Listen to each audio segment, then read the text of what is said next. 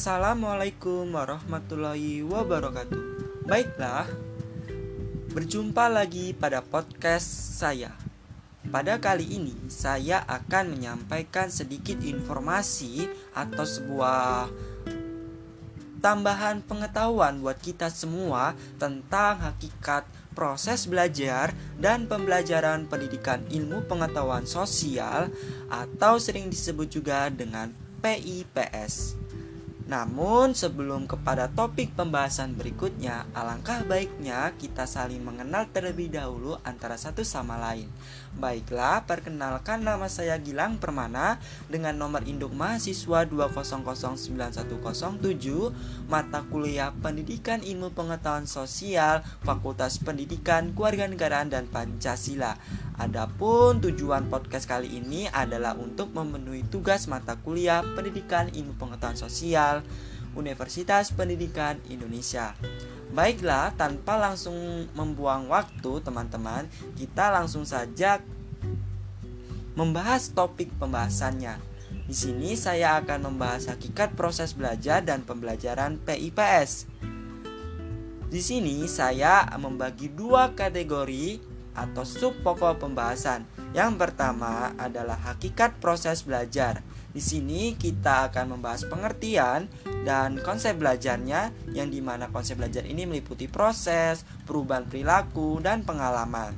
Yang kedua, topik pembahasan yang kedua adalah pembelajaran PIPS atau Pendidikan Ilmu Pengetahuan Sosial.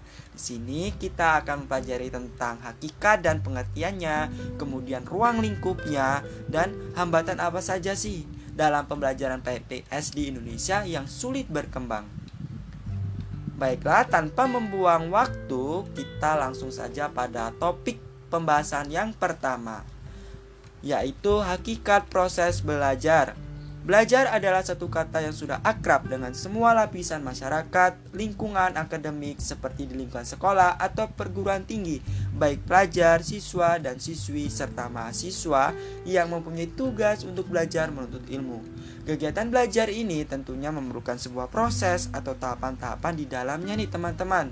Pada proses pembelajaran nih teman-teman, proses belajar mempunyai peranan amat penting Nah, karena dari proses belajar ini kita bisa tahu nih, yang asalnya tidak tahu, tidak mengerti, tidak paham, menjadi tahu, mengerti dan paham apa yang sedang kita pelajari. Kemudian sebenarnya uh, konsep belajar sendiri ini teman-teman mencangkup sebuah proses.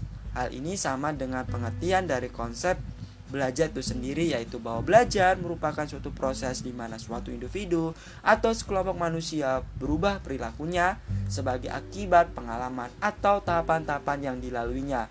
Hal ini sangat didukung oleh pernyataan James L.M. tahun 2000 bahwa belajar adalah upaya yang dilakukan dengan mengalami sendiri, menjelajahi, menelusuri, dan memperoleh sendiri melalui sebuah pengalaman yang telah dilalui semasa kehidupannya.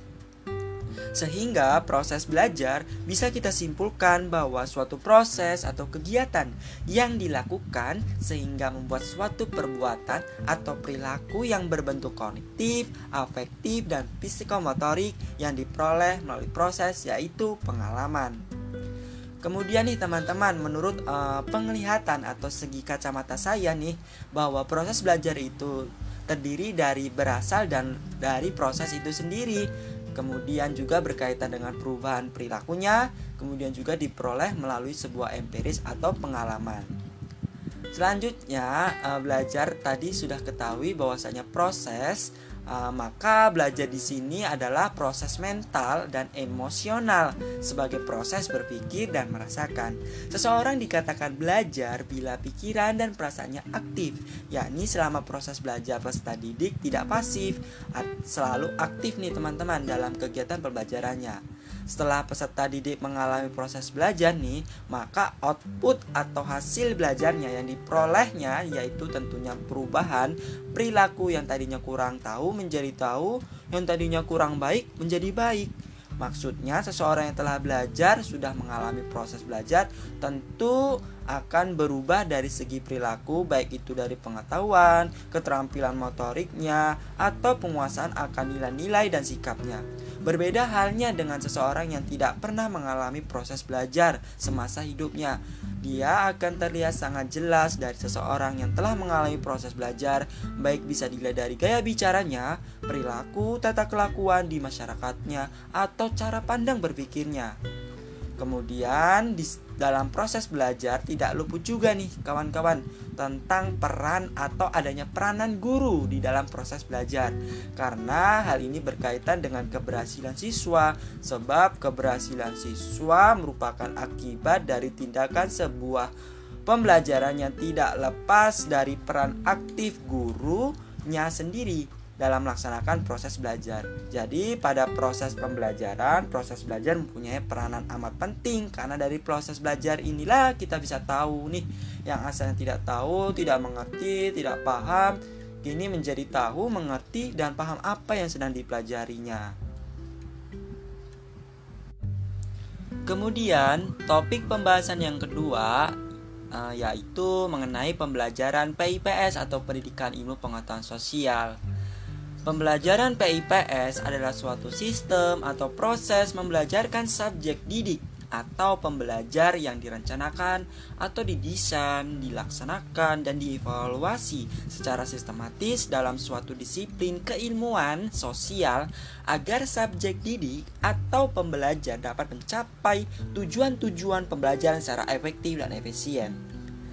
Kawan-kawan, secara umum pembelajaran PIPS ini membelajarkan siswanya untuk memahami bahwa masyarakat itu merupakan satu kesatuan atau sistem yang permasalahannya bersangkut paut pada pemecahannya, yang di mana memerlukan pendekatan interdisipliner yaitu pendekatan yang lebih komprehensif dari sudut ilmu hukum, ilmu politik, ilmu ekonomi, dan ilmu-ilmu sosial lainnya seperti geografi, sejarah, antropologi, sosiologi, dan ekonomi. Bentuk pembelajarannya pun berupa konsep-konsep uh, dan fakta. Menurut uh, IPS sendiri, yang penting untuk dipahami dan dipecahkan berkaitan dengan masalah-masalah sosialnya. Misalnya nih kawan-kawan, di dalam geografi tentang perusakan lingkungan, akhirnya terjadi gejala kerusakan alam yang tidak hanya kerusakan geografi belaka saja, namun secara ekonomi, sosial kemasyarakatan, politik, hukum dan lainnya pun turut uh, ikut terdampak atau tidak seimbang atau saling berkaitan erat satu sama lain. Di sinilah IPS memiliki tujuan yang utama. Nih kawan-kawan bahwasanya tujuan uh, pembelajaran IPS yaitu bahwa yaitu bahwa siswa sama sekali bukan dijadikan ahli-ahli ilmu sosial baik itu sejarah, ekonomi atau ahli-ahli uh, sosiologi atau geografi. Namun Tujuan pembelajaran PIPS di sini yaitu membentuk sikap hidup peserta didiknya seperti yang diharapkan bagi proses pembangunan saat ini dan masa akan mendatang sesuai dengan tujuan pembangunan nasional dan negara Indonesia.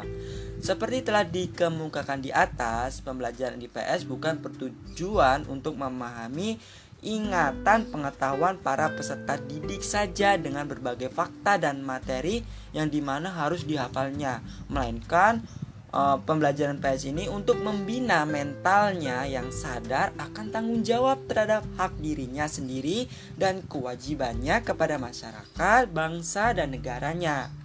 Pembelajaran IPS nah di sini merupakan upaya menerapkan teori konsep prinsip ilmu sosial untuk menelaah pengalaman, peristiwa gejala, dan masalah sosial yang secara nyata terjadi di masyarakat.